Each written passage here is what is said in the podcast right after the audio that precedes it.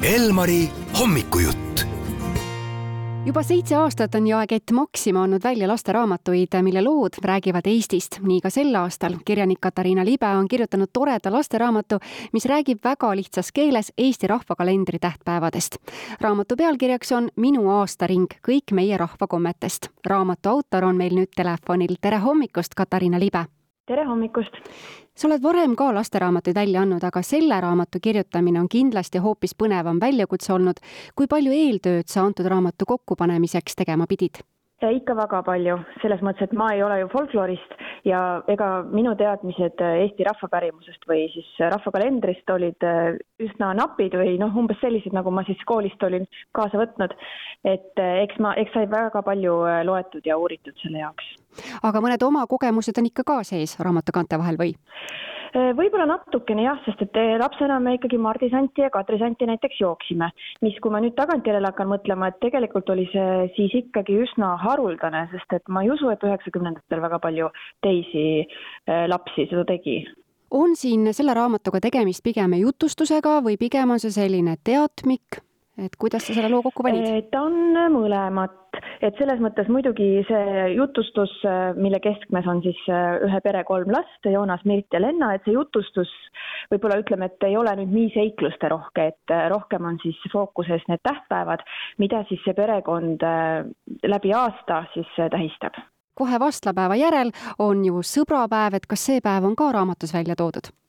on toodud jaa selles mõttes mina üldse ei taha nõustuda nende inimestega, kes tahaksid õudselt kiivalt kõiki meie vanu kombeid kaitsta ja üldse mitte uusi juurde lasta, et, et mina arvan, et rahvakalendris on ruumi kõigele, et, et võime tähistada mardipäeva ja siis võime tähistada ka Halloweeni, et see tuleb ka kenasti sealt raamatust välja, mis oli minu jaoks kohati ka nagu üllatus teada saada, et väga paljud kombed või uskumused, mida me oleme seostanud nagu Eesti rahvakalendriga, on tegelikult üsna hiljuti, noh, paarsada aastat tagasi siia liikunud ja omaks võetud ja, ja kuidagi juurdunud ja uue tähenduse saanud.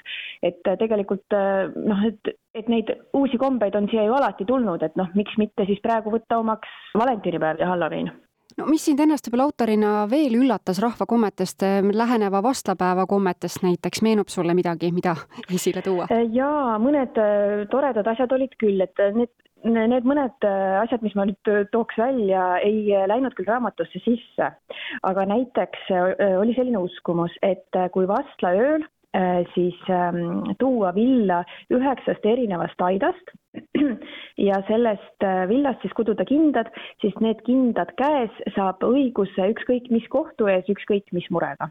ja teine selline, teine selline tore asi oli näiteks see või uskumus oli see, et et kui noor neiu läheb siis vastla öösel neljatee ristile, eh, teeb sinna hernestest risti, laob lume peale, siis teeb sinna peale häda, siis tuleb eh, selle peale vanakurat, kes täidab siis selle tütarlapse soovi. et eh, need on küll sellised, ütleme, et ekstreemsemad, et seda tüüpi asjad päris kõik raamatusse sisse ei läinud, et sinna läksid sellised lihtsamad asjad, mida siis saavad pered ka praegu järgi teha. nüüd, kui raamatu materjal on rahvakommete meenutamisel abiks, ega sa pole mõelnud neid lõike ikkagi kuidagi Tiktokis avaldada, no mingite lühisketšide näol või sulle kui stsenaristile või näitlejale oleks see ju lihtsam kui mõnele folkloristile?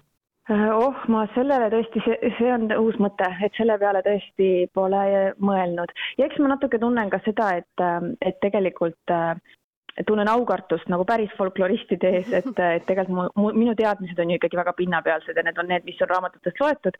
et võib-olla selle, selle rahvapärimuse populariseerimisega võiksid tegeleda inimesed, kellel need teadmised on sügavamad. aga kas siis äh, näitlemisega on sul hetkel käsil mingi pikem paus? Ma arvan küll, ütleks nii, et ma ei tea, kas see paus ka kunagi läbi saab, hästi ei, ei, ütleme, et ei ole see mul ka plaanis seda pausi lõpetada, aga ma tegelikult mängin kaasa näiteks ühes lavastuses Vatt teatris, Faust, et see on nüüd meil juba kümme, üksteist, kaksteist aastat jah. no siis ikka pausi ei ole, et siis natukene ikka tegeled ka. natukene mängin jah. Äh, millega sa veelgi äh, lisaks tegeled raamatute kirjutamisele? Ma käin äh, siis päevatööl, töötan ajakirjas Pere ja Kodu ja olen kirjutanud ka mõned seriaali stsenaariumid.